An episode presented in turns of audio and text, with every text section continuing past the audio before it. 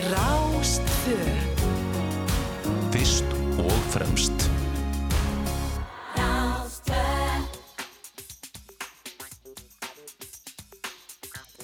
Góðan daginn ágættu lustendur, þá hefur við leik hér á Rástvö. Ég heiti Felix Bergsson og þetta er þátturinn Fram og Tilbaka.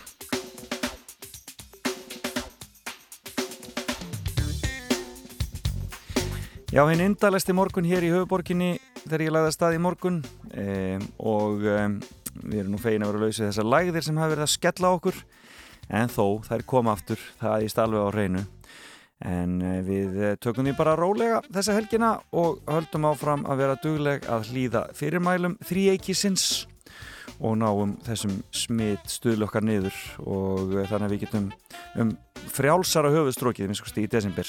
Ég veit að margir líta mjög björnstum augum til þess mánadar og ætlaði sér að hafa það svo brjálaðslega hugulegt að það verður bara yngulagi líkt en það er líka hægt að hafa það hugulegt bara í róleitunum í nóvumber myrkrinu og Já, til dæmis byrja undirbúa jólinn. Ég veit um ákveði fólk í kringum mig sem er farið að setja upp vetraljósinn með að miklum móð og um, ég hveti ykkur all bara að fara að huga því og um, svo má fara svona að gera ímislegt skemmtilegt eins og gera kransa eða, eða byrja bara að undirbúa jólagjafirnar og jólamatinn og hvað þetta heitir allt saman. Tilvalið að gera það núna um helgina. En uh, ég sendi sérstaklega hverju til þeirra sem fylgjast með þessum þætti í útlöndum. Ég veit að Íslendingur út um allan heim hlusta mikið á Rás 2 og það gleður okkur mjög og um, við byrjum sérstaklega helsi ykkur ykkar er sátt saknað hér heima og við getum ekki beð eftir því að geta farið að heimsækja ykkur aftur á nýja árunni. En það kemur að því. E, það er náttúrulega búið allt vittlust í Ameríku þessa dagana.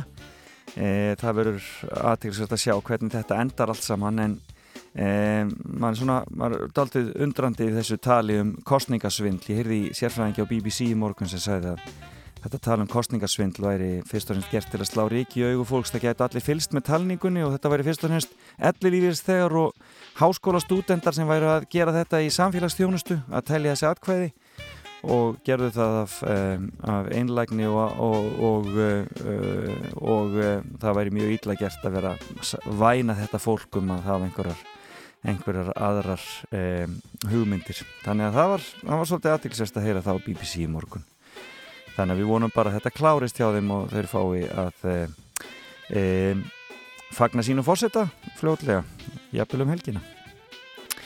En uh, það er mikill þáttur hjá mér í dag og ekki setna vætna að fara bara að byrja.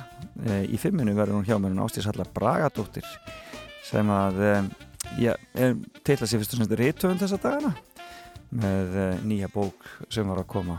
Alveg frábara, heitir Ein eða heitir hún Mein? Og hvort er þetta sönnsaga eða ósönn skálsaga, ég spyr hana því hérna eftir, en hún ætlar að koma í fimmu hjá mér. Og fimmun hennar eru brögð. Fimm brögð eh, og eh, við fyrir nánar í það hér á eftir, svo ætlum ég að ringja hérna Hildi Guðnódóttur sem að sömu kalla Ömmu Mús. En uh, það börjast fréttir að því að það sé alltaf verið að vittlust í uh, hannirðum á Íslandi. Og menn hafa alltaf við að búa til lopa. Að heyra meira hvernig þetta gengur hjá þeim uh, í, í hannirðabúðunum og svo verður fréttageturinn á sínu stað. Og með fínum verðlunum og við förum betur í það hér á eftir. En það er lag og það er frá 2008 plötu sem heitir Human Oddities hann heitir Ingi Örd Gíslason sem gaf þetta út. Fekk príðilega dóma í morgunblæðinu á sínum tíma e, í popdómi þar. E, en eigum ekki að fá e, Inga til þess að segja frá læginu sem er lag dagsins og heitir You Little Fruitcake? Þetta lag fjallar svolítið um það það er svona svolítið leint skilabúði um, um, um fólk sem áða til að festast í því að velta sér og mikið upp úr öðrum og gleymir stundum að horfa á sjálfans í speklinum eða Help Yourself. Uh, svo er dregin hann upp komíska hliðin að þessu vandamáli og hann hendi inn ímsum karakterum í gröðin og úr varð You Little Fruitcake. Gjör svo vel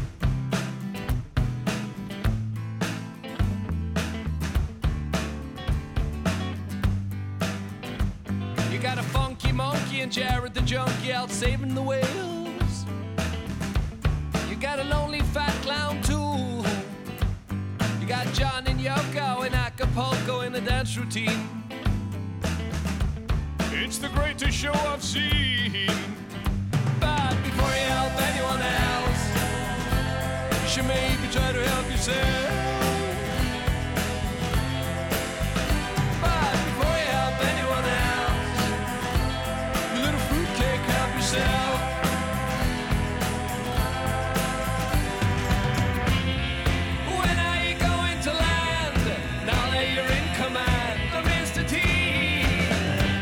bebop. And a. Got West Side Story and Hunky Dory in a puppet show. Lennon watching in the 13th row. You got Jackie Onassis with pink sunglasses in an army suit. Jackie O is a cute recruit.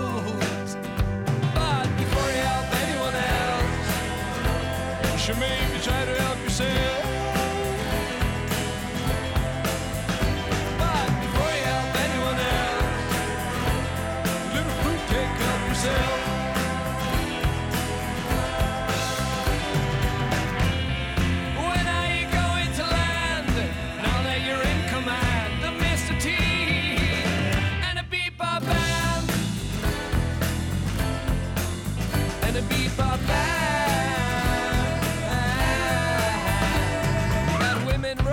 And blazing gunshots in the Sunday school.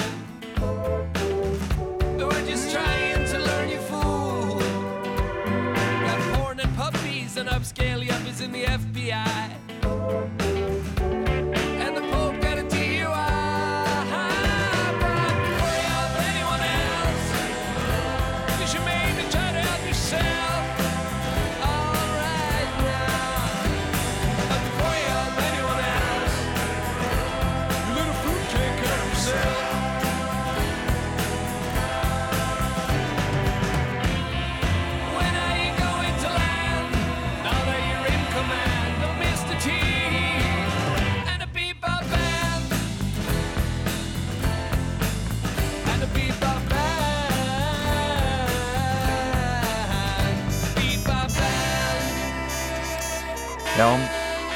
Mér finnst þetta alltaf ferlega flott lag. Bítla fílingur í þessu.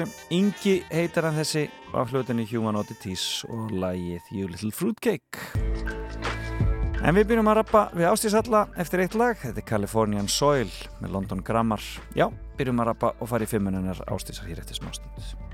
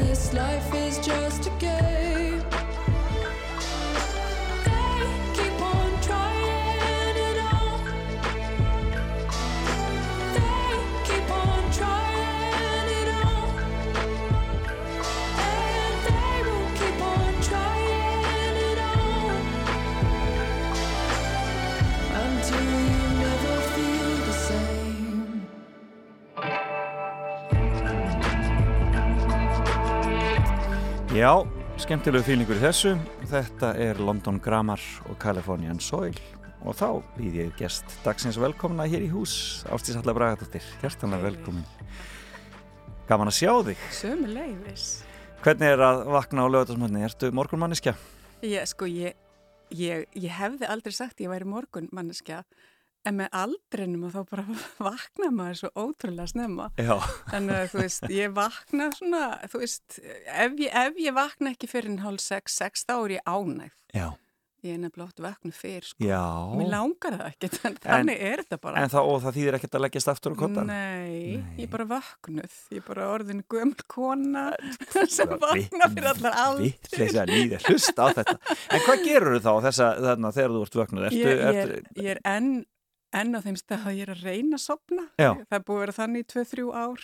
En, en svo þegar maður bara eins og í morgun, bara að koma að heita þig, spennt og kátt og fór ég bara, fór ég bara fætur, Já. Dreymið bara í styrtu og Já. kíkt á blöðin og svona Einmitt. maður gerir. en þú ert ekki svona manneskja sem bara ríkur og fætur og byrjar að vinna, byrjar að skrifa Hvenær skrifar þau til dæmis? Kvöldin. Já, það, er, það ég- er tíminn Já, ég er svona ugla sko. Já, akkurat Ég, eftir, eftir vinnudaginn, Já. þá fyrir nú oft heima að elda eða við aðalstinn. Já, Okkur finnst það rosalega gaman. já, og svo borðu við og svo kemur á ró og þá sest ég oft fyrir saman tölverna og byrja að skrifa. Þannig þú ert ekki, þú, þú ert ekki sjónvars eða, eða uh, kvikmyndatýpan Jú, ég er það líka. Ég er mjög gaman að ég horfa á sjónvarp og myndir en það er meira svona sport, Já. spari. Ég hangi ekki yfir því Nei, akkurat ég en, skilði en við finnum gott efni og horfum á alls konar serjur og Já, myndir. Æðislegt En, en yfirleitt er ég alltaf búin að skrifa daldið áður en ég geri það. Ræðum það kannski aðeins betur eftir, um nýju bókina og svo leiðis, en um, skellum okkur bara beint í fimmuna því að hún er svo skemmtileg og aðeins öðruvísi um, og ég vissi að ég hefði sambandið og myndur verið að koma eitthvað frumlegt. Og, það, og þín fimma eru fimm brögð. Já. hvað meinar með þessu? Hvers konar brögð ert að tala um? Sko, ég, ég, þegar ég var í fjölbrytaskóla Vesturlands á Akranesi þá var svona, það var, það var svona opin vika. Já, og maður gæti valið að gera eitthvað annað en vanarlega í skólanum og ég valdi glímu. Já, og mér varst það rosalega gaman. umið Þannig að ég var þarna í glímu og elskaði glímu og lærið alls konar brögð.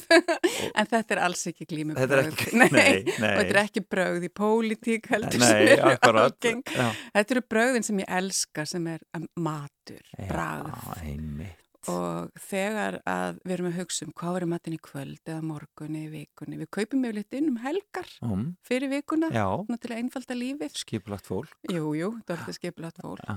Og þá kaupum við í svona kannski þrjár stórar máltíðir sem við ætlum að elda og þá hugsa ég ekki um er það fiskur eða kjöt eða pasta eða eitthvað heldur hvað Já, veist, er það engifer, er það chili, er það lime, er það sítrun, er það dill?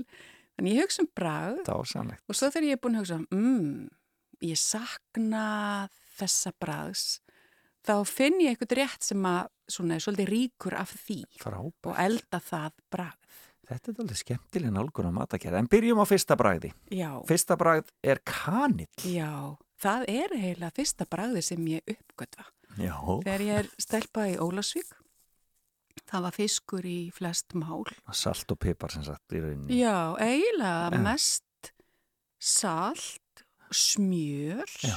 stappa svona kartöflutnar í smjör og, og stektan lauk og doldi tómatsósa. Og ég er ekki tómatsósu manneskja, ég sæki ekki tómatsósu.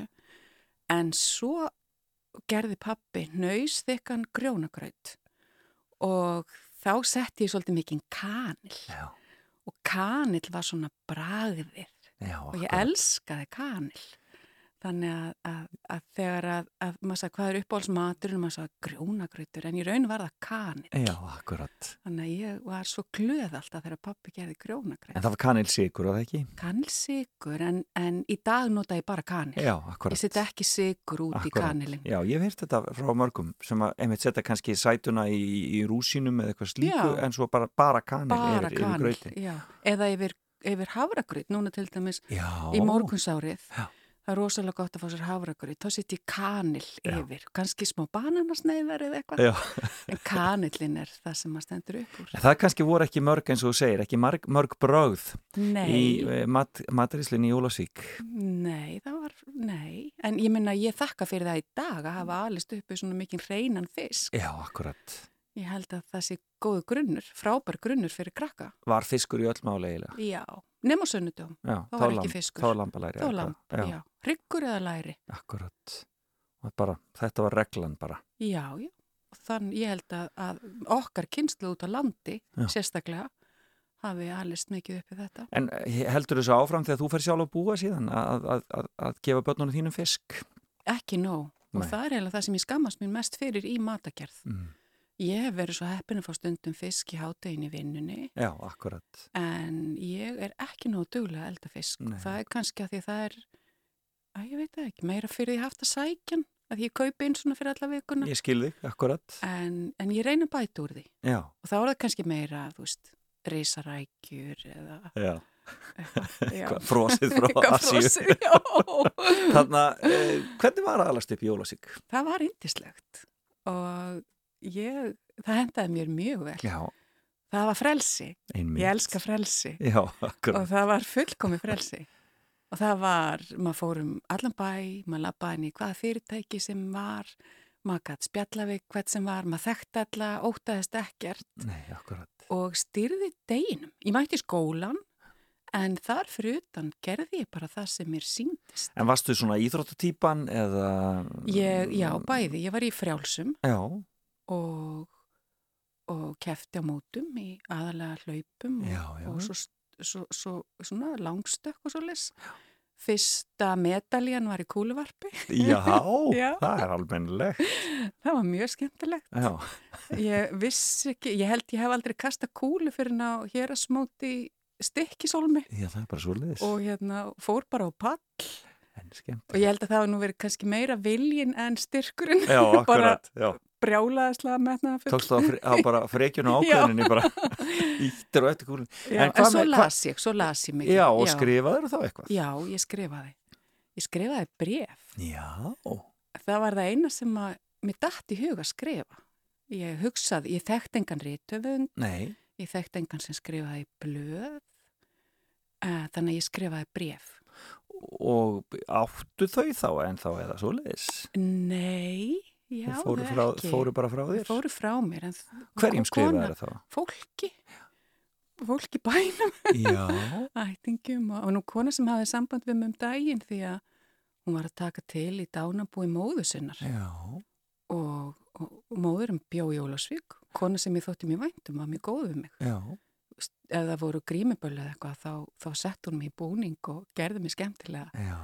Og ég skrifaði henni bref og þessi bref fundust til dæmis En skemmtilegt. hún vildi endilega koma henn til mér Já. og ég lá mann man eftir því ég- oft er að mamma var að elda og mamma var oft að reyna að gera eitthvað úr fiskinum blokkfisk og alls konar skemmtilegt Mm -hmm. ég lá á maganum á eldúsgólfinu með blíjant og blað og var að skrifa meðan mamma eldaði já, já. Og mér fannst þetta mjög notalegt Skemmtilegt. Já, En þetta er náttúrulega svolítið okkar, einmitt okkar kynnslóð, við, við skrifuðum bref. Já. Við skrifuðum sendibref. já, einmitt Og ég meina, þú lítur að hafa gert það líka þegar þú ferði til, til svona að heiman og í þitt nám og svona. já, já Ég, flest sendibref skrifaði ég samt í bræðra minna og sérstaklega Já. annars þeirra Já. og maður getur eiginlega ekki sagt sko að, það, að ég hafi verið svo lánsum að þeir hafi verið í fangelsi en Nei. þeir voru reglulega í fangelsum Mm og þegar að maður á náinn ættingja í fangelsi þá skrifa maður mjög mikið að brefum Já, akkurat. þannig að ég og, og hérna Sonni, er yngri bróðu minn við skrifumst á mjög mikið Já, og áttu brefin hans enn? ég á nokkuð bref Já, og í þeim brefum af því að það voru svo lítil samskipti, Einmitt. að ringja og, og fáar heimsóknir, að þá erum við að skrifa um mjög persónlega hluti og erum að skiptast á ljóðum og, Já, og ég held að hans fangilsisvist hafi ítt undir það að ég skrifaði ítaleg og opinská bref. já, akkurat. Og kannski hjálpa þér í þegar þú byrjar að skrifa síðan sjálf. Öruglega, ábyggilega, um líf fólksins þíns já. og þitt. Já, heyrðu, þetta var fyrsta bragðið Kanill og Ólafsvík Næsta bragð, það er chili. Já, bara, það er bara stokkið út í djúpu. Ég veit það. það var nefnilega þegar ég var tíu ára þá fluttu við til Svíþjóðar. Já, já, Það var búið að vera eitthvað erfitt í Ólasvík með fiskiri Já. og mamma og pappi ákváðu að prófa eitthvað annað. Já. Og vinafólk þeirra hafði flutt til Svíþjóðar einhverju mánuðum fyrr og þau ákváðu bara að gera slíktið sama. Og við fluttum til Svíþjóðar og, og á lögutasmótnum þá fórum við ofta á markað í Gautaborg. já, já, já, já. og þetta var algjört ævintýr, ég hafði aldrei séð svona og á þessu markaði var verið að selja kjöt og pilsur og osta og alls konar. Einmitt. Og mér fannst þetta alveg toppurinn á tilverunni að fara og lögða þetta smotni á markað. Grænmeti líka, þú veist ferskir ávextir, festgrænmeti og þetta var alveg ótrúlega mikil upplifun. Mhm.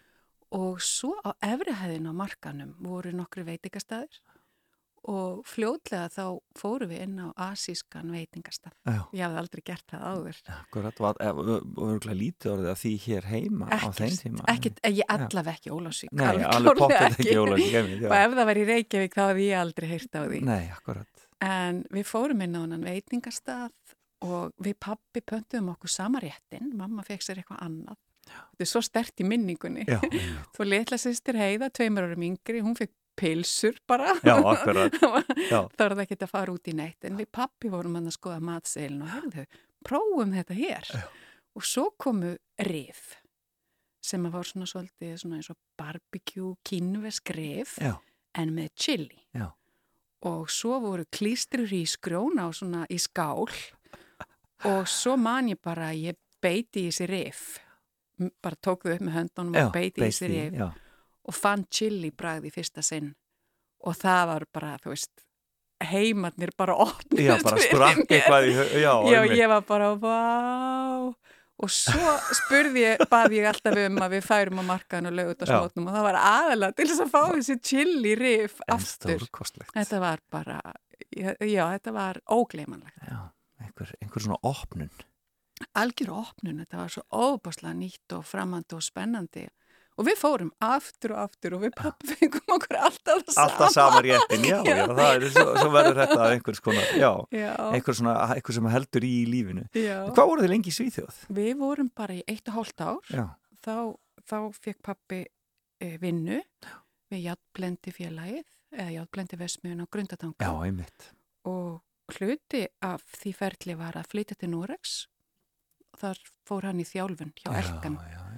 Og við fluttum til Noregs og fyrir mér er Noregur marsipanbragð. Það er alveg já, en fyndi. en hérna, pappi var þar í þjálfun í daldin tíma og svo fluttum við heim til Íslands aftur til Akranes því að það var svona örug vinna að fara að vinna í verksmiði Akkurat, og, og að öruga tekjur. Já, einmitt. við fluttum til Akranes og byggum akkurat. þar já, öll minn úlingsár Já, akkurat, þar ferði, þar ferði í mentaskóla Já, það, já. og lærið, og lærið glímubröðin.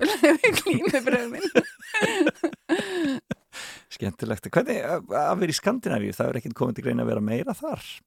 Ég elskaði alveg Svíþjóð og Noreg. Fín, fínt veður, fín menning, svíjar eru skemmtilega. matur. Fínt matur, Já. Uh, svíjar eru svona skemmtilega mm, líka framsýnir og metnaðfullir. Normin eru svo hlýr og indisleir. Já. Mér varst það svona ofsalega, svona kærleiksríkt samfélag, rosalega. Þeir eru svona aðeins meira sveit og ykkur neginn. Já. Eða, eða svíðana kannski langar til þess að vera meira metropolitan en, Já, en normennir bara, bara leifa, leifa sér að vera Já. bara vola sveit og Já, það er eitthvað svoleiðis. mér fannst það notaleg. Já, Já. voru þið í Oslo þá? Það, Nei, það við voru- vorum í Kristjansand, Já, ás, það er suður, söður, suðurströnd. Já. Eindislegir fyrðir og eigur og alveg frábært. dásamlegt. Heyrðu, það er komið tvö bröð, það er kanill og chili og við höldum okkur í, í, í, í hérna, í uh, káinu og séinu, það er kóriandir, er þriðja bragð. Já, Hvað, hvað gerist það? það gerist í Boston, Já, þá ertu nú það bara komin eiginlega bara með kærasta og komin í, í, Já. hérna, í framhalsnám. framhaldsnám. Já. Í stjórnmálafræði þá eða hvað? Nei, ég sér að þeim í ofinbyrð stjórnsýsla Alveg rétt, já, já. og hef, var þá búin að vinna í fjögur ár í mentamálraðanitinu Já, og fannst ofinbyrð stjórnsýsla mjög áhugaverð og mikilvægt að maður þá kynnana og Mhm. geti vanda sig að maður það starfi í stjórnsýslinni. Þannig að ég fór út í bandaríkjana til að sér að þeim í ofinbyrð stjórnsýsla spennandi. Og, Og þá- hvaða, hvaða borg varð fyrir valinu? Boston, Já, já, já. alveg endisleg borg. Við sóttum um náum eiginlega bara á austuströndinni. Já. Því að við vorum komin með tvö börn á þessum tíma. Já, einmi, Jónas okkar elsti sem að, já, ég var brúmlega tvítu þegar hann kom í heiminn einmi. og svo var Bræi nýfættur Já. nokkra mánuða þegar við fórum út og kóriander sprengjan varð á veitingastað sem var eitthvað svona sambland af tælenskum og vietnamskum stað Já, og þar pantaði ég ferskar vorrúlur og inn í þeim voru brakandi fersk kál og Já. brakandi ferskar rækjur og svo var svona stórt bungt af kóriandir. Eins og Vietnamenni gera þetta. Já, nákvæmlega. Og þetta var ekki djúbstegt, það var ekki fit Akkurat. og svo var bara svona heimalöguð netusósa. Ó, svo gott. Ah, þetta er svo gott.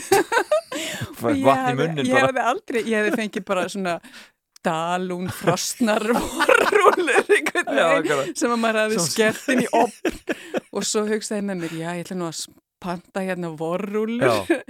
og svo beit ég þessar vorrúlur og fór bara til himna Já, og fór til Boston fyrir nokkrum árum og fann þennan veit ekki svo að borða þessar fersku vorrúlur með kóriandir en já, ég þarf samt að segja þér, ég, ég hugsaði um það hérna, bara leiðinni út af kóriandir sinni að þá fekk ég vinn minn til þess að fara með mig til Mexiko já. hann heiti Baldur Þórhalsson, ég veit Já. ekki hvort þú er heyrt Ok, um við hann, kannast já. við hann.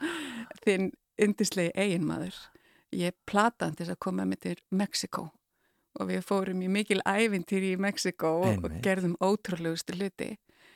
En ef ég ætti að endur taka þá ferð og mætti bara gera eitthvað eitt í Mexiko að þá var það þannig að við Baldur fórum inn í helli og djúft inn í þessum helli var veitingastaður. Já, lýstur upp bara innan í klettaveggjunum með kertum og þar fekk ég guacamole með kóriander já. og það var svo gott að ef ég ætti að endur taka eitthvað eitt úr þessu ævintýri Já. að þá væri það að fá þetta guacamole með þessu kóriander En gerir þú þá, gerir þú þá eitt guacamole með, Já, með kóriandir? ég ger það Já. og ég, það, ég, var, ég var í nokkur ár að þróa það Já, og mér finnst ég búa til rosalega gott Guacamole, ó, ég bara, En ég hef aldrei náð þessu. Aldrei. Get ekki náð því. Þetta er bara eitthvað æfintýralegt. Já, sem að bara, Bara, þú bara, upplifir í Mexiko. Bara, já, er örgla bara, Þeir borða líka kaktus, eða ekki, kaktussúpur og eitthvað konar, Já, ótrúlega hluti. akkurat. Heyrðu, en, en Boston, hvernig Já. var, hvernig var, hvað voruð þið lengi þegar það steinn í Boston? Þetta var master, bara meðan við vorum í þessu mastersnámi. Já, í tvö, Sigurði. þrjú, tvö, þrjú ár. Nei, það er bara ár. Eða bara ár. Já, hjá okkur báðum.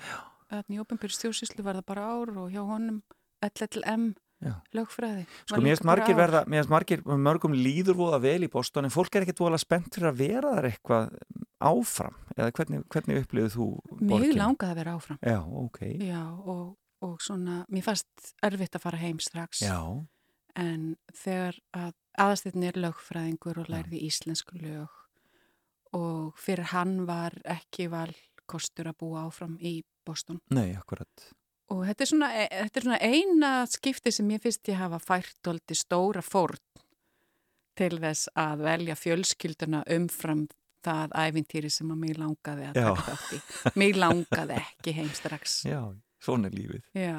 Þetta- En við fórum heim með Já. tvö börn og, og vinnu og öryggið. Akkurat, einmitt. En Boston hefur komið þess að þú hefur verið svona ánæðað. Ég var alsæl. Og Mér þá í þessu akademísku umhverfi eða... Já, mér finnst það skemmtilegt. Já. og, og það sem ég ætlaði að gera áfram ef við hefðum geta verið áfram mögulega hefði verið á því sviði. Já, einmitt. Svona er þetta, þetta lífið tekur mann Já. víða. Hef við skulum taka okkur smá pásu og hlustum á hljómsveit sem heitir Boston. Og þetta er náttúrulega hitt gamla góða, More Than a Feeling og uh, svo höldum við áfram að tala um brögð við ástísöllu Bragadóttur.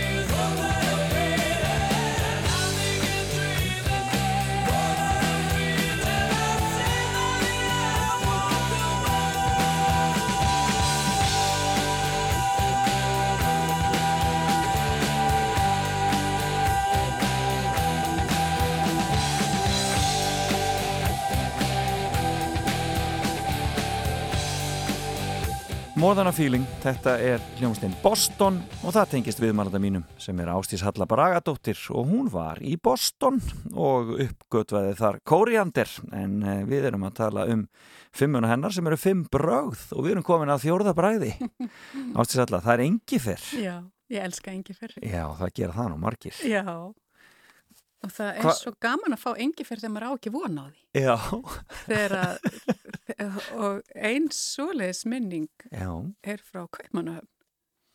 Og Þetta er svona nostalgía ferðast. já, akkurat og finna brögð og finna bröð uh, við aðalsteinn höfum eiginlega haft að vera reglu að, að hérna, leifa okkur að stinga af einu svona ári Mhm. fara frá ekki bara vinnunni og öllum skildunum og skuldbyttingunum heldur bara líka börnunum og öllu öðru. Já, já, og þá höfum við farið í aðvenduferð til Kaupmanna já, en skemmtilegt, og við elskum það. Og söknum við það svo núna. Já, já, það það er- get ekki farið. Já, það er, það er líka það svo fyrir þegar maður getur það ekki þá og saknar maður þess ennþá meira. Já, finnst þetta alveg hræðilegt. Þó maður hefði kannski ekkit endilega farið sko. Já, við hefðum farið Já, núna alveg já. Og þá hefur við bara flogið út á festu degi og heim á sunni degi Einmitt. og En eru þið þá með eitthvað ákveðið sem þið gerir alltaf? Já. Og það, eh, það sem við gerum alltaf er náttúrulega að fá okkur smörbrauð. Já. smörbrauð á okkur um skemmtilegum veitingastað. Mm og svo förum við á tælenskan stað sem heitir Chin Chin. Já, og á þessum stað er fullt af smáréttum og einn af réttunum sem við fengum það voru svona street food kjötbólur já, og kjötbólur eru oftast bara kjötbólur en þessar kjötbólur voru með svona sterku engiferbræði já, já, já. þannig að þegar maður svona, þetta er svona bara munnbitar og maður fær það bara svona þú veist næstu eiginlega bara í plastboka með svona pinna. Já. svo stingum maður pinnanum í kjötbóluna og setur hann upp í sig heilu lægi og býtur og að býti kjötbólu og fá svona engifer sprengu það fannst mér alveg geggja þegar ég smakkaði þetta í fyrsta sinn Gekkja. og þá hugsaði með mér, já, engifer er ekki bara út í smoothie eða boost eða, eða svona einhverja, einhverja rétti, svona almennt heldur maður getur nota engifer miklu meira. akkurat. Þannig að ég hef eldað þessar kjötbólur reglulega, fekk uppskriftina sjálfsögðu, Nefna hvað? áritað af kokkinu já, meðlegt, svo lókið þetta. og þarna áttaði maður því að engifer er miklu, miklu meira en, en ég hafði áður áttaði mig á. Sko, þú ert að tala um, þetta er meira og minna asískir veitingastæðir sem þú tala um hérna, Já, sem að þú ert að uppgöta þessi brögð. já, Hefur þú skellt til Asíu bara svona til þess að upplifa þetta það þar? er skemmtilegt að þú segir, hefur þú skelltir til Asju? Ég hef um skellt mig til Asju. já, hvernig var það? Það var alveg, það var í fyrra bara. Já, Aldrei komið til Asju. Nefna það að þegar ég var færtuga þá bjó ég mig til óskalista yfir lönd sem ég langaði til. já, Og efst var Japan. já, svo í, í fyrra, byrjun ás, að þá segir Bræi, sem er rúmlega tvítur, Mhm. uh, hann segir við mig, heyrðu mamma, Asja er á óskalistanum þínum og Japan er efst og það eru tíu ár síðan þú bjóst til listan. Já. Hvað er vandamálið? nákvæmlega. Og ég var bara, það er svo langt og það er svo dýrt og það er svo flókið og Já. eitthvað. Og hann sagði, veistu það, það er rosalega rólegt hjá mér í skólanum næstu vikuna. Akkur skellum við okkur ekki bara? og ég sagði, ertu galinn, drengur? Lífið er ekkert þannig. Nei, Og hann var alveg, byrju, af hverju er það ekki þannig? Og ég hugsaði með mér, já, af hverju er það ekki bara þannig? Og, Og ég skelltu ykkur? settist niður við tölvuna, fann flug til Japan með Finnair. einmitt. Uh, á fimmtudegi pantaði ég, þetta var fimmtudagskvöld og ég Já. bara pantaði það. Já. Og við flugum til Japan bara á föstu, nei, lögutasmóttunum þar næsta dag og vorum í viku. Og á þessum 48 tímum fyrir flugið Já. að þá skipulagði ég magnaævintýri fyrir okkur tvö. Við fórum á maturslinnámskeið að sjálfsögðu, Nema hvað? nema hvað. Og í Kyoto í Japan, við Já. fórum til Osaka og Kyoto. Já. Það er engi ferðamenn. Og við skráðum okkur bara svona ódýrt maturslinnámskeið sem áttu bara að vera svona, þú veist, fullt af ferðamönnum á maturslinnámskeiði. En á þessum tíma það er ískalt, Já. þá var enginn. Nei. Þannig að við vorum tvö á mögnuðu skemmtileg. með indislegri konu Já. sem kend okkur að elda japanskan mat frá grunni. Um, Og er það súpurnar þá? Nei, hún kend okkur ekki að gera súpu, hún kend okkur ímislegt annað. Uh, þú veist, dimsum og ímislegt. Og svo fórum við í hof og gistum þar á gólfinu tvo daga og vorum að læra hugleiðslu.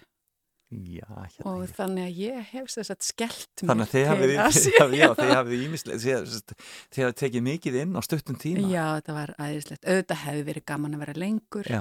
en þegar maður gerir þetta svona fyrirvaralaust stingur af. En, en stóðið undir væntingum? Ah, já, alveg. Þetta var frábært og miklu einfaldara. Já. Ég hug- hugsaði með mér, þú veist, farið fljúi gegnum Helsingi Einmitt. áfram til Japan og svo tilbaka.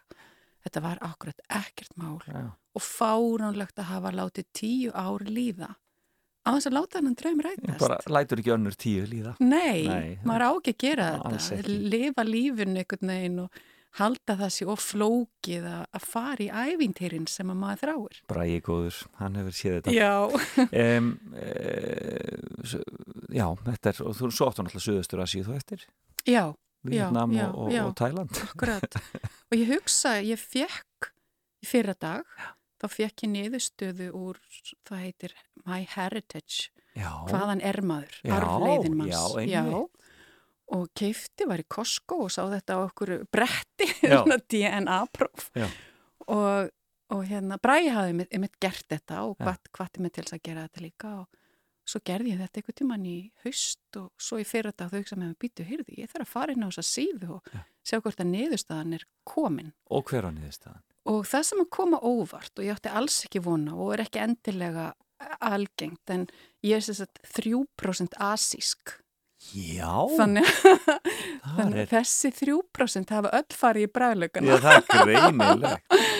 Hefur þá erum við komin í, í komin í það síðasta sem er svona blanda af sítrónu og dilli, Já, fymta bræðið. já, og sko ég er sem sagt 96% skandinav Já, einmitt, Já. þar kemur dillið. það er dillið og, og sítrónan Já, og sko þessi árstími er fyrir mér sítrón og dill já, einmitt. hvort sem er í smurbrauði eða hvað annað Og laxinn. eh, lagsin en mjög reglulega elda ég súpu sem er kjúklingasúpa Já, já, já. og síði niður kjúklingalæri með beinunum og skinninu. Mm Síð niður þessi kjúklingalæri og bý til mjög gott kjúklingasóð frá grunni og það er svona góð, góð kjúklingafita og kemur kraftur úr beinunum mhm. og áður en að ég byrja á sóðunu þá steki ég selleri og bladlug fæ svona kraft úr því líka einmitt. og svo undir lokin síðustu átta mínúturnar þá hendi ég út orso sem er svona pínulítil pasta, svona þetta er eins og nema einmitt, það þetta er pasta. Mm og ef einhver veit hvar maður fær orso á Íslandi þá má hinn sami hafa sambandi við mig. Vegna þess að það eina sem ég kem yfirleitt með þegar ég kem frá bandaríkjunum er póki af orso svo ég geti elda þessa súpu. Já, og svo þegar súpan er til og maður setur hann á diskana að þá tekur maður bara ferst dill og sítrunu stráur dillinni yfir og kristir sítrununni Já.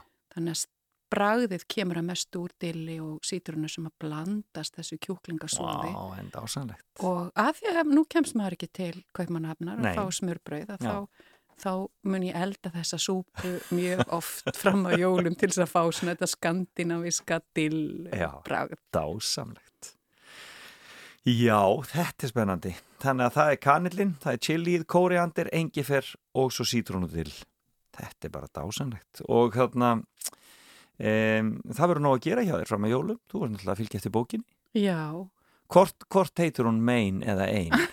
Ha, og hvort er þetta sönnsaga eða ósönn skálsaga? Þetta átt að verða skáldsaga og ég held að ég væri að skrifa skáldsögu. Já, Og svo gerist aldrei það sama þegar ég skrifaði svona minningabækurnar já, að þá áttaði ég mig á því að minn veruleiki er ekki endilega sami veruleikin og þeirra sem standa minn næst. nei, akkurat. Af því að það sem er satt í höfðun á manni er kannski öðruvísi en það sem aðrir upplifa í kringum hann. Akkurat. Þannig að, að sannleikurinn er kannski alltaf dáldill skáldskapur líka eða allavega túlkun Já. á veruleika. Já, akkurat.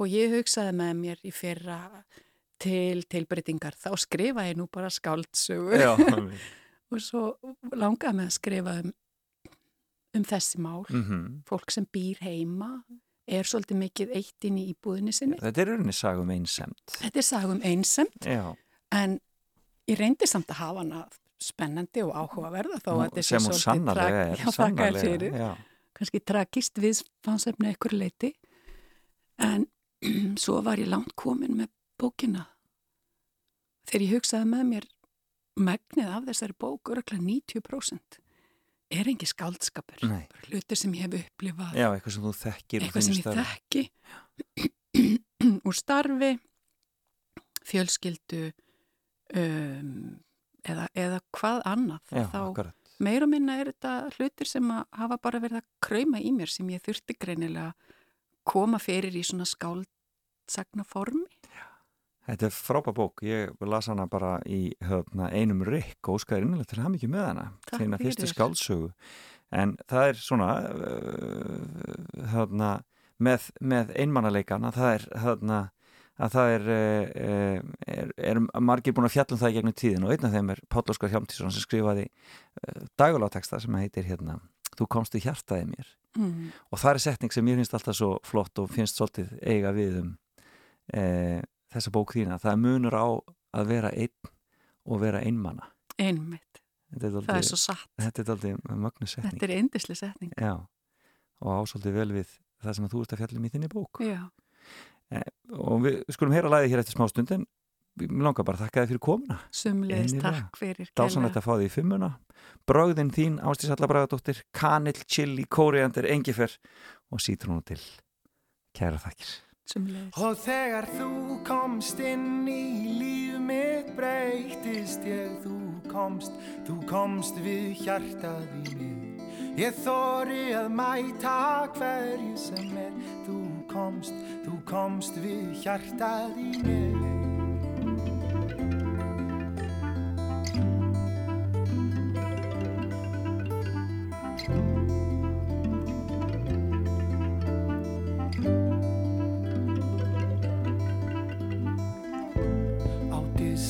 diskobar Ég dansaði frá cirka tól til sjö.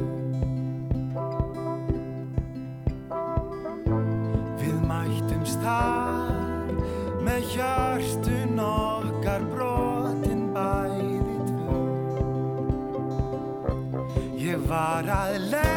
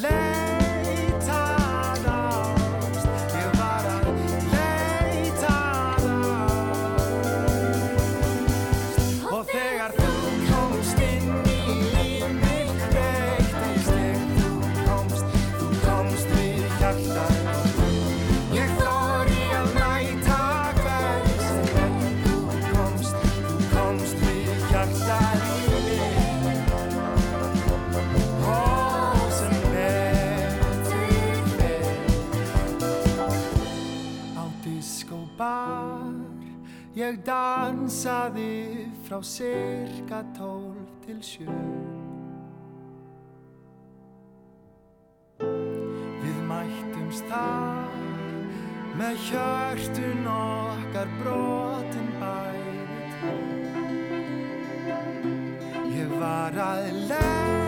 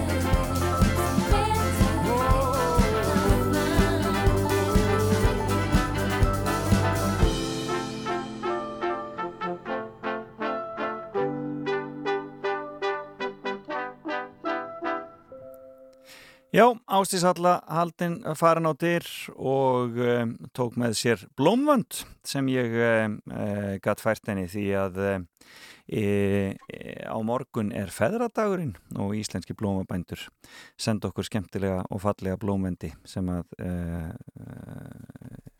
ég má gefa í dag og það er aldrei vita nema að hinn blómvöndurinn fari í fréttageturunna en hún var í fimmunni hjá mér Ástís Halla og talaði um fimm brögð Gaman að heyra af því. Æventýra heimur leikfanga. Kids Cool Shop. Smárartorki og Glerartorki Akureyri. Viðar Parkett. Gerðu kröfur. Egil Árnarsson, Suðurlandsbjörn 20. Jólagjöf stangveiðimannsins finnur þú í stærstu veiðibúð landsins. Veri velkomin í veiðihorni síðumúla. veiðihorni.is Velkomin á Fætur fram og tilbaka á Rástföð.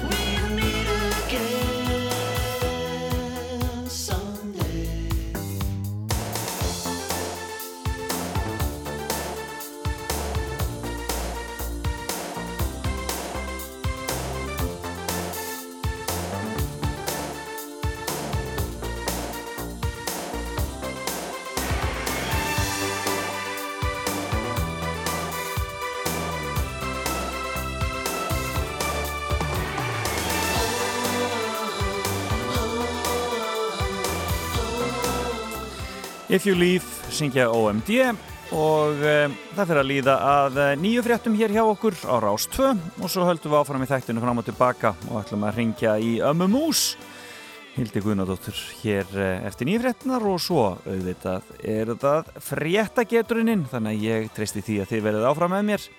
Þá möguleglar auðlýsingar og svo förum við í fréttinar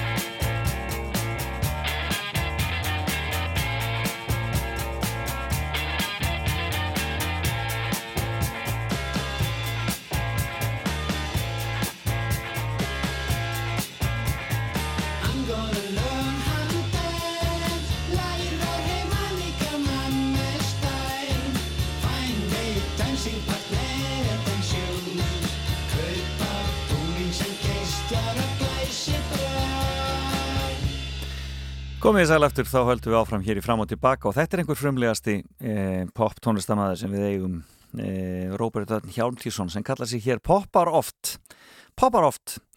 Og eh, lægið heitir eh, eh, Dance Dance Dance sagt, eh, bæði á íslensku og ensku en það sungið á báðum tungumálum. Stórskemmtilegt fyrir Roberti Erni. Og það var sagt hérna ára ástöð þegar hann sendir á sig lagið Hamingja eða Happiness. Að allir hljóðfærarleikar í því lagi heiti Robert þetta er frétt tilkynning frá Robert Erni sem er auðvitað ótrúlega tilviljun. En lagið var tekið upp í Kóbói og Árbæ sem þýðir að lagið var að meðaltali tekið upp í Breiðholti.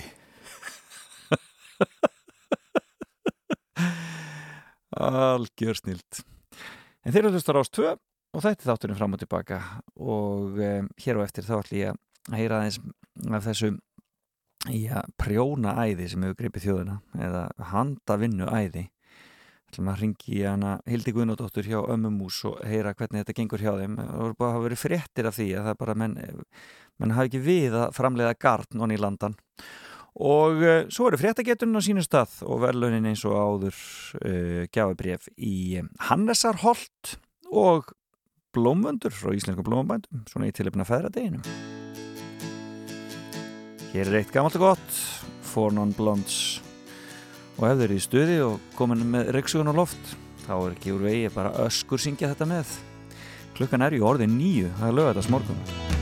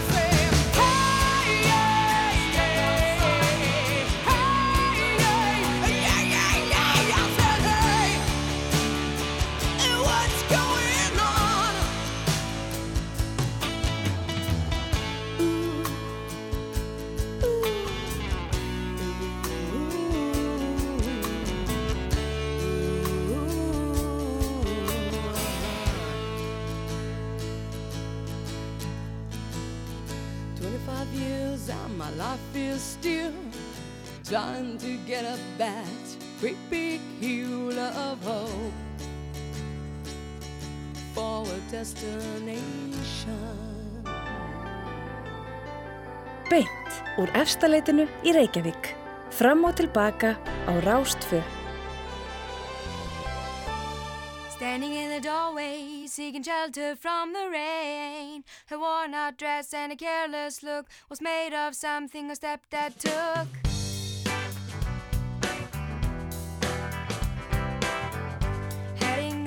the porch, she needs the rays of sunlight. Her spirit's out with no place to hide. Was made when her stepdad took her ride.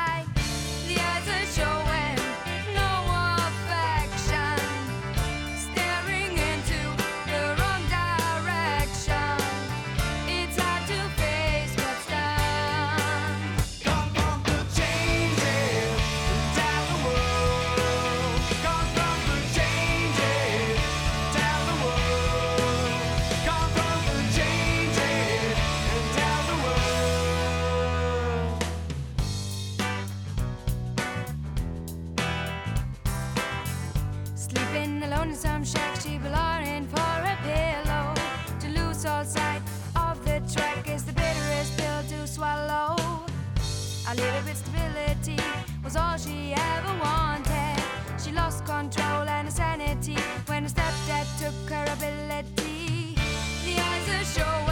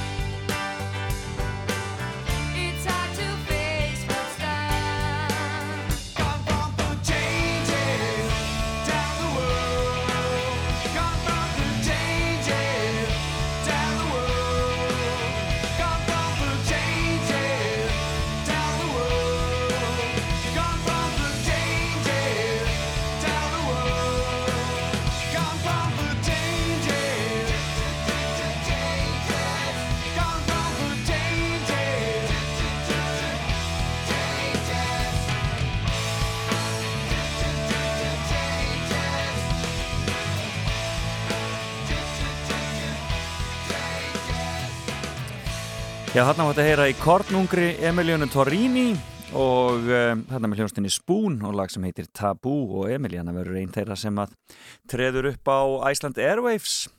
Já, í svona streymi, það verður spennandi að sjá það og hvet fólk til þess að ná sér í miða á það alls saman og fylgjast með. Það eru frábæri tónleikar framöndan á Iceland Airwaves En það er þetta með lopan og ég rak augun í frétt um, að lopapeisan væri vinsæl sem aldrei fyrr og það er ekki bara aukning á sölu á lopa hér innanlands, heldur líka til útlanda um, og mér leiknum forvitna að heyra aðeins meira um þetta og í símanum er hún Hildur Guðunadóttir í ömmu Mús, komdu sæl og blessuð Hildur. Gaman að heyri í þér. Summu leiðis. E, finnir þið fyrir þessu jámi mús að það er alltaf verið að Já. vittlust bara Já, það er svona vægt til orða tekið. já það er svoleiðis bara Það sko fólk náttúrulega er að leita sér að gera eitthvað leita sér að einhverju svona uh, til þess að róa hugan og, og gera í kófinu og tengist þetta þessu, bara beint reynd og klárt Já, það tengist, um, það er svo margir vinklar á þessu. Að vissu, vissulega er fólk náttúrulega meira heima núna, heldur en öllu jöfnu. mm Og við komist ekki neitt, þannig að þessi gamlu og góði menningararfur að, að gera handavinnu, hann, hann bara stingur sér niður og það sem er svo gleðilegt að það er allt þetta unga fólk sem einhvern veginn staldrar við, það, það kemst minna og, og greinilega færri sem að eru það bara á að horfa sjónvarpið eða í tölvuleikjunum eða eitthvað og finnur þá sér þörf til þess að skapa og vera með og svo er, svo er sko þessi samfélagsmiðlar sem eru bara sennilega áhrifavaldar. Já í þessu. Í þessu öllu saman. Já. Og þú bara verður að vera með. já það er svolítið þannig. Það er bara svolítið þannig. já. Og það er ekki bundið við aldur sem betur fyrir og ekki kyn heldur. nei og eru strákarnir sem fannir að taka upp prjónuna líka en segja það svona handavinnuna Já, já, elska minn góða, það hefur náttúrulega alltaf verið með. Það var karlmannsverki gamla dag að prjóna sokka. já já Þannig að sannarlega þetta er bara, þetta er bara þannig genunum einhver stað, sko, það Já. er bara, það er bara hitta þau. já Það var, það var reyndar svona meira ábyrjandi í, í fyrstu kviðinu þarna í vor, þá var að koma sérstaklega ungir menn Já. að kaupa sér út sem sjáfa og gatt, því að þeir segja bara, við verðum bara að vera með. það var bara þannig Já, og það er svo skemmtilegt að því að þeir eru svo óhrættir við að gera tilraunir. já akkurat. Það er svo frábært. þetta bara hljómar dásanlega en er þetta bara prjónið? Er ekki er einhver önnur Nei. handavinna? Jú, jú, jú, jú, útsemurinn líka, já. En prjónið er einhvern veginn aðgengilegra og auðveldara, þannig að, eða það er, hvað ég að segja, það gerist hraðar í prjóni heldur en í útsem. Já Þannig að þú sérð árangurinn svo satt. Þess vegna er þetta held ég vinsætla heldur en útsemurinn. Já, akkurat. Þannig að það, já, það, já, og svo, sko, svo er uh, ungt fólk eins og Salkasól allt í hennu mætt fram á sviðið. Já, Salkasól og Sjöfn voru náttúrulega að gefa út unu, prjónubókina sína, Já. kom út bara í fyrra dag held ég. Já. Og er alveg frábær viðbót. Þessi, þessi prjónamarkaður, ef maður getur sagt svo, hann er alltaf hungraður í nýtt. Í skil. Og þær taka þessu aðeins öðruvísi. Það er að segja að er kallaði uppskriftur á mannamáli af því að fólki er mislægið að fara eftir uppskriftum og lesa uppskriftir Mm og þannig svona að fara aðeins dýpr onni í þetta og svo er það bara með fallega hönnun og, og hérna eitthvað sem að all, alla langar í. Já, akkurat, akkurat. Þannig að það, það bara skila sér strax. Já og svo líka náttúrulega bara eins og Facebook og Instagram, það hefur mikil á sig. Það er alveg gríðalegur máttur samfélagsmiðlana og bara í gær frétti af svo fallegu verkefni. Hún er Þórun Ívars sem er svona áhrifavaldur á Instagram í prjónu. Mm Hún sagði mér uh, að hún hefði bara byrjað að prjóna í vor. Hún er eina af þessum ungu konum sem að bara verða að vera með. Já, og, og þar veit ég kringum hana, þar eru stelpur í hóp sem er að hjálpa staði að prjóna einhverja eina erfiða uppskrift og þær komast í gegnum þetta. En svo var að koma uh, ægilega falleg húa frá dönsku fyrirtæki sem heitir Knitting for Olive. Og, og hérna maðurastisnefnd ætlar að tryggja hjá þeim þessum hóp eða þeim sem að vilja prjóna húuna þykja hana uh, að gjöf til þess að gefa í jólagjafa útlutunni í ár. Já, já, já. Þannig að þú veist, það er alls konar falleg verkefni sem að koma í kringum þetta því að prjónar langar náttúrulega kannski til að prjóna meir en eitt eintak og þú veist nokkuð snöggur með eina húfu og svo getur ekki alltaf verið að finna um hvað langar með næst og hvað langar með næst. Algjörlega. En þú vilt kannski láta gott að leiða í leiðinni. Já. En þetta er, þetta er að þú byrjaðir á að tala um lopan og skottabandi. Já. Þá er nefnilega COVID út um allan heim. Já. Það fyrir ekki á milli mála. Einmitt. Og það er verið, að- og það er verið að að falast eftir þessu líka í sérstaklega í Skandinavíu. Já, ég veit að íslenski lopin, hann fer við það sko. En það er líka aðfengin hingað, það er að segja erlendir framlegendur. Já. Það, þetta hefur líka mikil áhrif á þá því að Auðvitað. það er skortur á prjónabandi. Og það er er mikil skortur á prjónum, trúið því. Á prjónunum líka. Á prjónunum, Já. það eru tíu, tíu vikna afgræslu frestur hjá físka fyrirtækinu Abdi til dæmis. Ég á ekki orð. Og er þetta bara allt farið bara? Þetta er bara allt farið út hjá þér? Um, allavega prjónarnir, það Já. búið að vera skortur lengi. En Já, já. magnað. Já, já. Þetta er alveg ótrúlegt. Og, en það semst, þetta er semst ekkert bara, þetta er ekki staðbundið, þetta er ekki staðbundið, um, já, luxusvandamál hér á Íslandi. Ó nei, ó Nei. nei, nei, nei, nei, nei, nei, nei. það En- er ekki þannig. En hvernig er það? Er, er, sko, það er náttúrulega opið hjá þér í búðinni, það ekki? Jú, jú. Svona eftir öllum, virkadaga. öllum sóttarnarreglum, en, en er Já, ekki já, líf já, og fjör þá? Er ekki bara, er ekki rennir í? Það er, það er mjög mikið fjör og við reynum að standa okkur eins vel, bæði eins og segir með sótvarnir, takmörkun á fjölda. Já. Við þurfum alveg að læsa búðin annarslega þegar komið bara, eh, já við setjum okkar hámark sjö, Já, akkurat. þó að hámarki sé tíu. Já. og það eru spritt og hanskar og, og grímur og, og starfsfólki er með grímur skildu í búðinni þannig að Þannig er, er röð stundum? já, það kemur fyrir þegar við þurfum að læsa út að fjölda þá hérna er röð og svo bara einn inn, einn út Þetta er tásanlegt. Ég held þetta verði bara, ég, ég þetta sé ekki bara, e, þetta er bara bylting og þó að COVID fari þá á fólk bara eftir að halda áfram eða ekki? jú, jú, svona, svona deyr ekki drotni sínum á einu degi því að allir þessi nýju prjónarar hluta þeim heldur áfram Já. og þetta er líka bara lífstíl orðin hjá svo mörgum það er eiginlega það sem að koma út úr bankarhunnu sem að tala nú aðeins aftur tíman Einmitt.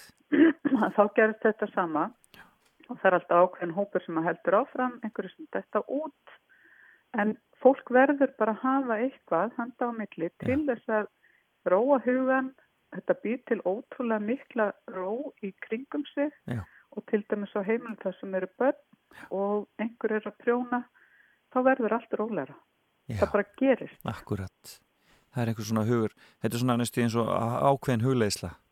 það er það og bara þessi, þessi reyning prjónana er hugleislega út af fyrir sig Þetta er dásanlegt. þetta er alveg magnað. Já, alveg magnað. Það voru gaman að fylgjast með þessu áfram og bara hérna, uh, takk fyrir að, að, að veita fólki þessa huga ró í, í, í þessu, á þessum erfiðu tímum okkar. ég mín er ánæðan Já, þarna, takk fyrir þetta Hildur og ég hvet alla til að kíkja í ömmumús. Já, það er opið í dag frá 11 til 3. Æðiskengið. Kæra þakki fyrir spjallið. Takk fyrir. Já, bless, bless.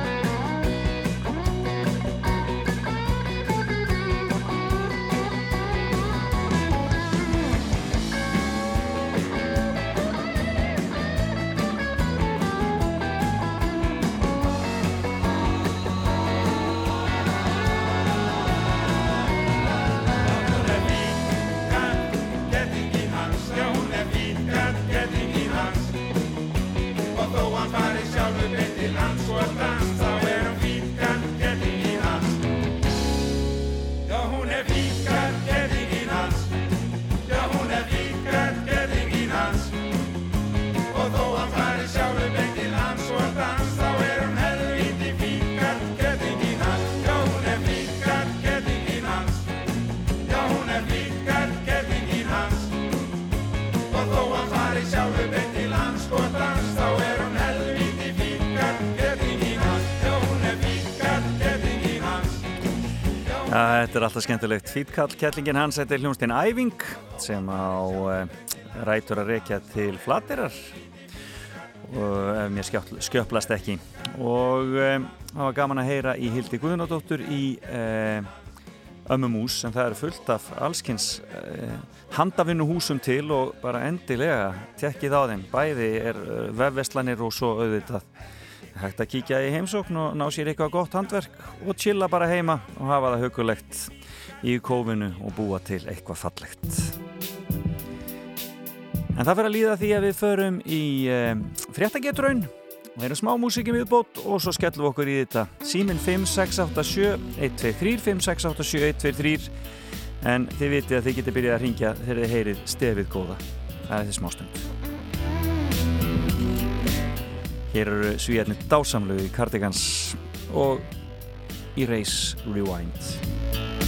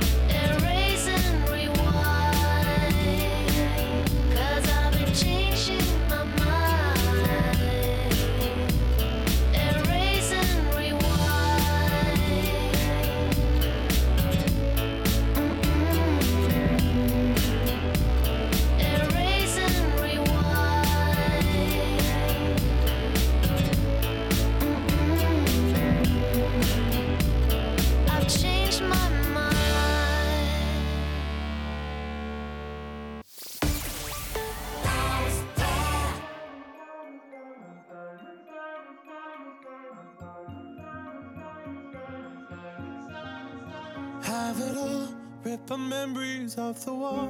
All the special things I bought, they mean nothing to me anymore.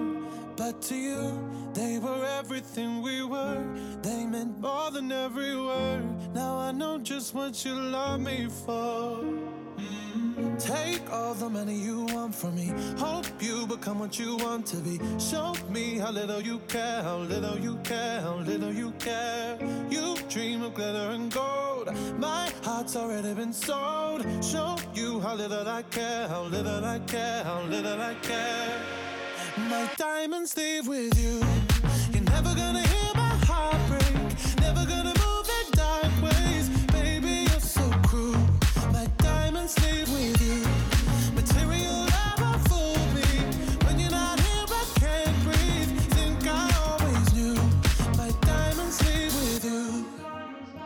Shake it off, shake the fear of feeling lost.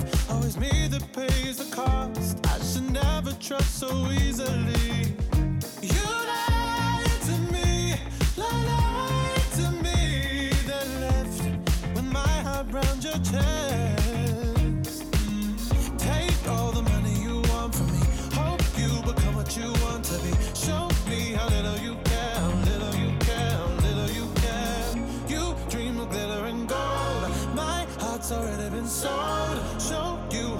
How little I care, how little I care, how little I care. And my diamonds leave with you.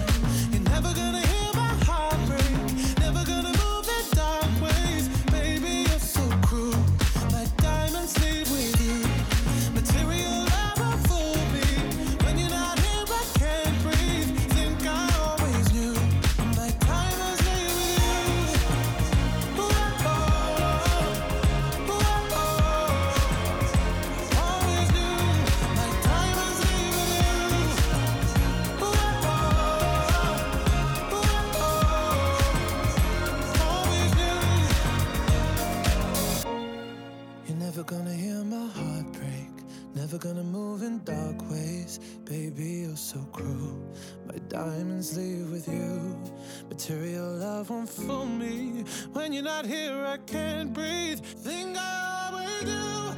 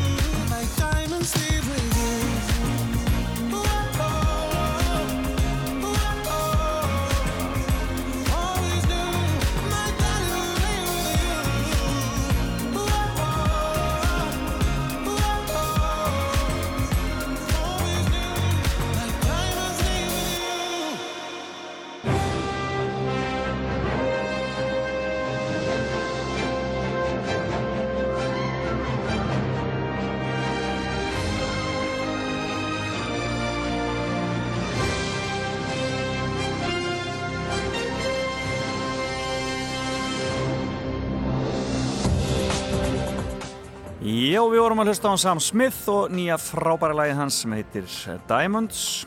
Eh, eh, en eh, það er komið að fréttageturinn og nú loga alla línur. 5687123 5687123 er símanúmerið. Og eh, já, já, ef við ekki bara skella okkur í þetta. Fá línu þrjú fyrst, góðan daginn. Já, góðan daginn. Sæl og blessuð, hvaðan ert þú að ringja? Ég hef ringt um Moselsbæ. Þú ringir um Mósesbæ og Já. ert með allt þitt á hreinu þegar það kemur fréttum vikunar Já, ég veit það ekki. Já, við sjáum til, sjáum til hvernig það Það kemur. verður reyndar frekar fáarsveitnar í vikunni. svona. Já, þetta er búið að vera voða mikið Amerika Mhm. uh, og hérna, en við svona reynum að finna eitthvað annað. Nei, kílómetra fyrst hérna. Fyrirbæri sem ber nafnið A68A nálgast nú hratt eiguna Suður Georgíu sem brest yfir á svæði í Suður Allandshafi og ógnar lífi mörgæsa og sela. Og ég spyr, hvaða fyrirbæri er þetta A68A 68A. sem nálgast eiguna Suður Georgíu í Suður Allandshafi? Já, hvað heldur þetta geti verið? Ha? Hvað ætlar að skjóta? Þetta hlýtur að vera flóðbylgja. Nei, vel Nei. var skotið, en það er ekki rétt. En þi, Nei. þú bara reynir aftur. Takk fyrir að ringja. Já, takk. Skulum heyri næsta. Góðan daginn. Já, góðan daginn. Veist þú hvað þetta A68A er? Nei, ég er nú ekki með að hreinu, en þetta er eitthvað, nei, ég bara veit það ekki. Ég ætlar að skjóta? Nei, Nei, ok. Heyrðu, takk fyrir, þú reynir brattur, takk. Já, nei, það er ekki komið enn. Góðan daginn. Góðan dag. Góðan og bless. Veist þú hvað þetta A68A er? Hmm. Eitthvað svona geimstöð. Nei, nei, það er ekki svoleiðis, nei, en, en skemmtileg hugmynd en það er ekki rétt. Nei, takk fyrir að ringja. Já, nei, skulum heyri næsta. Góðan daginn. Já, góðan daginn. Veist þú hvað þetta er? Sem að var það ísjaki. þetta er ísjaki og engin smá ísjaki, segja þér. Segja þessi stærsti ísjaki í heimi. Alveg magnað, brotnaði af Suðugskautslandinu. Heyrðu þetta var rétt hjá þig, hvaðan er þú að ringja? Nei, ég ringi bókinni. Þú ringir úr höfuborginni, góða verðin hjá okkur hér. Já. Heyrðu, þá spyr ég, ba, ba, ba, ba, ba. jam, jam, jam, jam, jam. Já, í vikunni seldust 64.000 lítrar af ákveðnum drikk. Hvaða drikkur var það? Það er ekki jólabjórin. Jú, það var jólabjórin. Ah, ég ætlaði að ná þér hana. Já, þú fattar þetta. Það var jólabjórin. 64.000 lítrar. Erst þú búin að ná þér í jólabjór? Ég drekk ekki. Nei, gott hjá þér. Gott hjá þér, þannig að þú ert laus við þann fjanda. Heyrðu, þá spyr ég hér, um, hvaða þingmaður, sagði á alþingi, að það sótarnar aðgerið sem hveði væri áum í reglugerð sem gildi til 17. november væri svo viðtækar og mikið yngripp í friðhelgi engalífsins að annað eins þekktist ekki í Íslandsögunni. Hver var það sem hafði svona stór orð? Það það. Já. Hverjir hafa verið að tjá sig á þannan máta? Þú Það skjóta? er margir búin að, margir búin að rætti, tjá sig um um þetta. Já, en hvern, hvað skýtur á? Hver sagði þetta? Ekki, ekki var það hann logi. Nei, það var ekki logi. Hann hafði ekki þetta, hann sagði ekki svona stóran um þetta. Vel var skotið, takk fyrir að ringja. Já, bless, bless. Nei, það var ekki logi. Heyri næsta, góðan daginn. Góðan daginn. Já, góðan daginn. Veist þú hver hafði svona stór orð um friðhelgi engalífsins? Ég held að það verið Sigriður Andersen. Það er á rétt hjá þér. Það var Sigurður á Andersen. Menn eru duglegir að búa sér til sína, sínar, þarna, sína vígvelli. kenningar. Já, sína kenningar. En þetta var Sigurður á Andersen. Já, sem sagði þetta. Og hún hefur sjálfsögður rétt á sinni skoðun. Heyrðu, hvaðan ert þú að ringja? Ég er ekki Mósisbæ. Þú ert í Mósesbænum, þetta er, er Mósu og höfuborgin. Hvar er landsbyðin? Það, við, það, en, Ah. en það, hún, það eru hann ekstar, það er að blikka hér landsbyðaljósin, þau eru alveg brjálið að komast ekki Er að. það ekki? Þú erum að leipaði maður. Já, það gef, nein, já, þú þarft að sjá hvort að við klárum þetta hjá þér. Já, sjá til. Sjáum til. Við, ég spyr, hver verður þjálfari kallariðis FH í fótbolta? Það er hann Eiður Smári Guðjónsson. Þetta er allt eitthvað ættarnafjöður. Já, þetta ég er aldrei þar. eftir, að, eftir, að, eftir, að mannanafna, eftir að mannanafna breytingin kom, þá eru er allir konum með ættarnafna.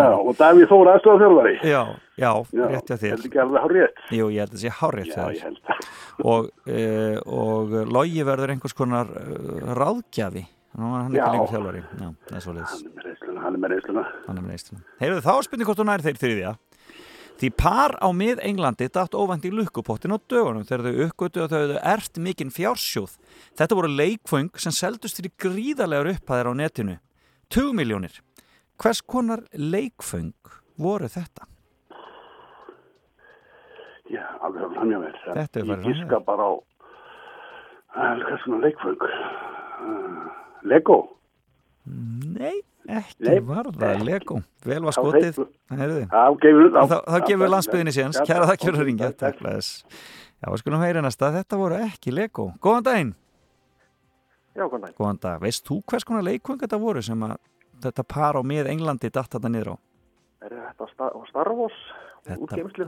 Þetta voru Star Wars úr, geim, einmitt, úr geimslu frá nágrannanum.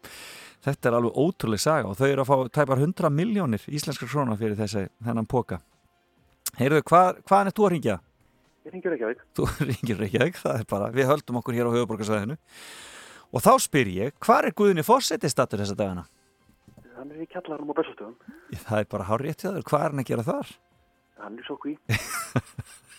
Alveg hár rétt. Þú veit greinilega með þetta. Heyrðu, þá er spurning hvort þú nær þriðja, þriðja svarinu hér hjá mér. Þegar ég spyr, mm, mm, mm, mm, rúsneskir embætsmenn fullir það að efnaskipta vandi og langvinn briskirtilbólga hafi hrjáð stjórnaranstæðing sem varð mjög veikur í ágúst. Alls ekki hafi verið eitra fyrir honum líkt og var niðurstaðar rannsóknastói Fraklandi Svíþjóð og víðar. En hvað heitir maðurinn? Stjórnaranstæðingurinn. Ó, þetta, þetta veit ég, núna mann ég það ekki. Nú, mannstu það ekki, sko. Það er það sem gerist, sko. Já, það fluttið til Þýskalands. Já, já, og þeir komast að því að þetta hefði verið eitrun en þeir segja ekki. Já. En hvað heitir stjórnaranstæðingurinn frægi? Nú er það alveg dott út um þessi, ég er veit hvað að- ma- maður þetta er. En, Já, þú sér þann fyrir þér, þú sér þann fyrir já, þér. ég, ég, ég, ég man, eftir þessu og man, man hvert hann fór í, í meðferð. Já, já, þetta var í öllum fréttum og en nú var þetta komið í vikunni. Já. Er Viltu skjóta? Nafnið er dottið Nafnið er dott út. og kemur bara ekki? Það kemur ekki, ekki rétt að nafnið allavega. Nei, þannig að þú, þú vilt ekki einu sinni skjóta á það. Nei, ég er ekki með neitt með annan Það er bara að- ekkert að nafn sem kemur upp í hugan. Jú, fullt af nöfnum en ekki rétt það, þannig að þetta gegnir nú lítið að skjóta. Heyrðu, ok, já, þá bara gefum við öðrum síðan. Kæra þakki fyrir að ringja. Takk. Takk, bless. Já, nú er bara spurning hvort ég á nú af, af spurningum eftir, við skulum sjá hvort það gengur. Góðan daginn. Já, góðan daginn. Góðan daginn, hvaðan ringir þú? Herru, ég er að keira hérna undir vatnajökli. Ég er á leiðinu austur í Breitalsvík. Það munar ekki um það. Heyrðu, þá, þá skulum við hérna, stitta þið stundur og spyrja það þessu. Hvað heitir hann, þessi stjórnaranstæðingur í Rúslandi?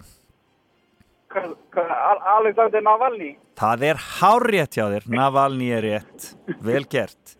Yeah. Ég á tvær spurningar eftir, þannig að nú er bara spurning hvort þú nærða að klára þetta. Já. Annars er bara, er bara, er við, er við dottin á andlitið með þetta. Herdís Magnea Gunnarsdóttir, bóndi á Egilstöðum, var kjörinn formaður í vikunni. En formaður í hvaða landsambandi? Já,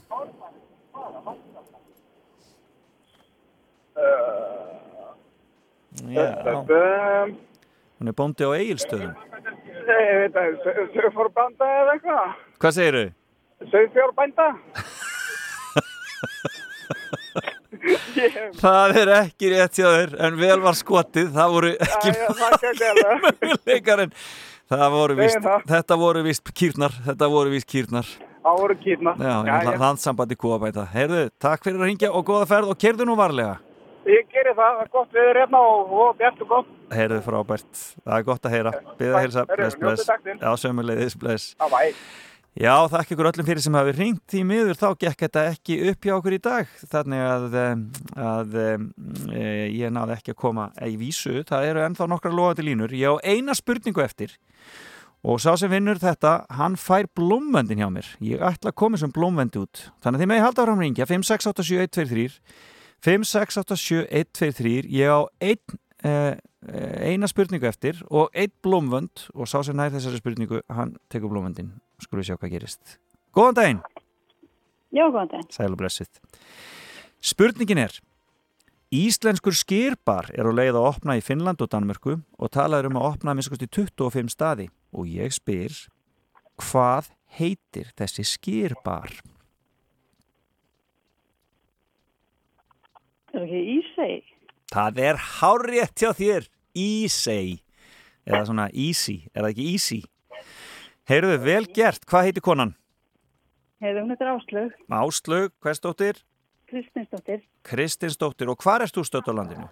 Ég er í Reykjavík. Þú ert í Reykjavík, þá bara býð ég þér að koma hérna til okkar við í efstaleitinu og sækja þér blómvöndinu sem þú átt hérna hjá mér í tilumna Já. feðradeginum sem er á morgun Hefur kæra þakkir. frá íslenskum blómvöndum. Já, takk sumulegis Áslaug Kristinsdóttir og takk fyrir að ringja. Hefur takk fyrir mig. Já, bless, bless. Já. Og þakk ykkur öllum sem að tóku þátt í fréttageturinn í dag. Áslaug Kristinsdóttir, hún náði sér í uh, blómvöndin og svo gefum við uh, gjafabref í uh, Hannesarholt í næstu viku þegar við förum aftur í fréttageturinn. Þá er það stuðmenn. Allt innu varði ég að heyra þetta lag í rókinu. Ég legg metna minn í það að míga úti. Og í mannskaðanum varð ég undir vegg. Í stangarholti kúldrast ég hjá knúti. Og Kristínu sem spælir okkur egg. Ó, ó, út í veður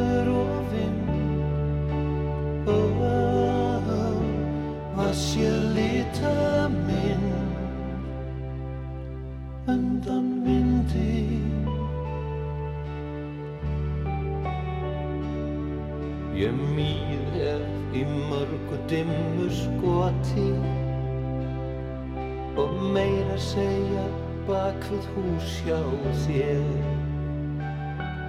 Þótt nýtískuleg salernin ég noti.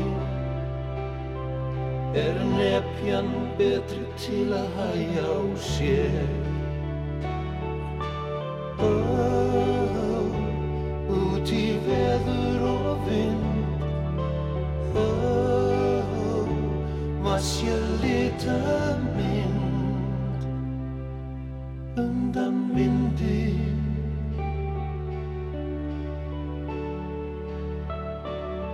Afi kendi mér sem ungum pilti. Aldrei að láta deigan síga. Og þegar kuldin kvika silfri trillti Hann kendi mér í lóana að míga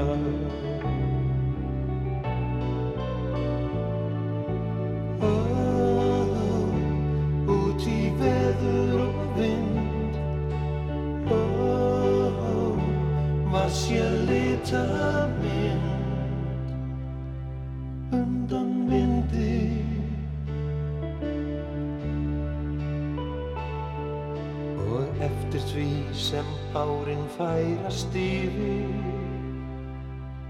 Takk fyrir Þú ert að hlusta á Fram og Tilbaka með Felix Bergsin á Rástfö.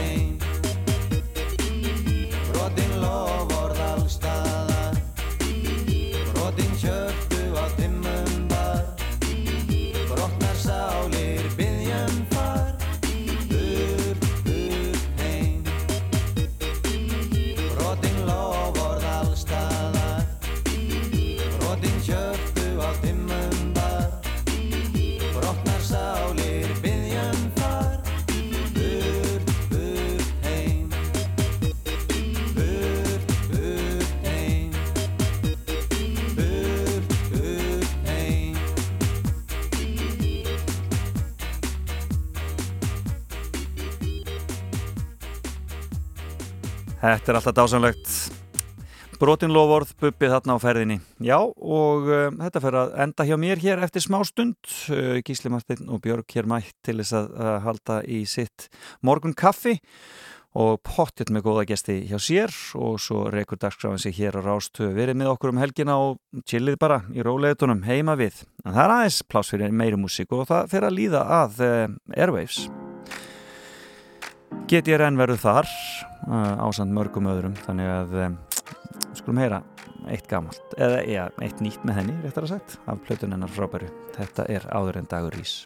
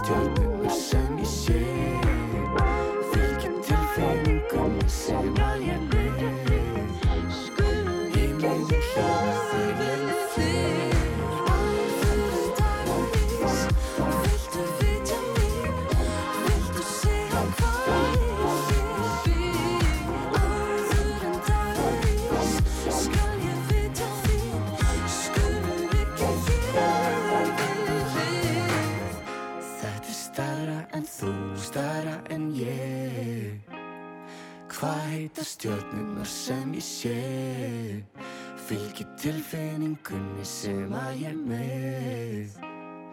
Himinin hlýnar þegar ég með þér. Þannig hljómaði það, áður en dagur ís, þetta verður auðvitað getið enn og byrnir þarna. Og uh, þá er þetta búið hjá mér í dag, það var Ástísalla Bragadóttir sem satt hjá mér hér í morgun í fimmunni og talaði um fimm brögð, kanil, chili, kóriander, engifer og sítrónudill. Þetta var stór skemmtilegt og uh, já, svona ákveðin aðferð til að fara í gegnum lífið og tilveruna og um, e, við töluðum aðeins um bókin hennar sem heitir Ein og er bara fjandi góð mæli með henni. E, lag dagsins var You Little Fruitcake með honum Inga, Inga Erni Gíslasinni og svo hringdi hana Hildi Guðnóttur sem eh, er með Vestlunna Amma Mús og við töluðum aðeins um hann er það æðið sem gengur yfir þessa dagana og það er bara vesen að, að ná sér í garn, skilst mér og prjóna Fréttagetunum var á sínu stað en hún kláraðist ekki þannig að við heyrumst aftur með það í næstu viku. Þetta er búið hjá mér. Bless, bless.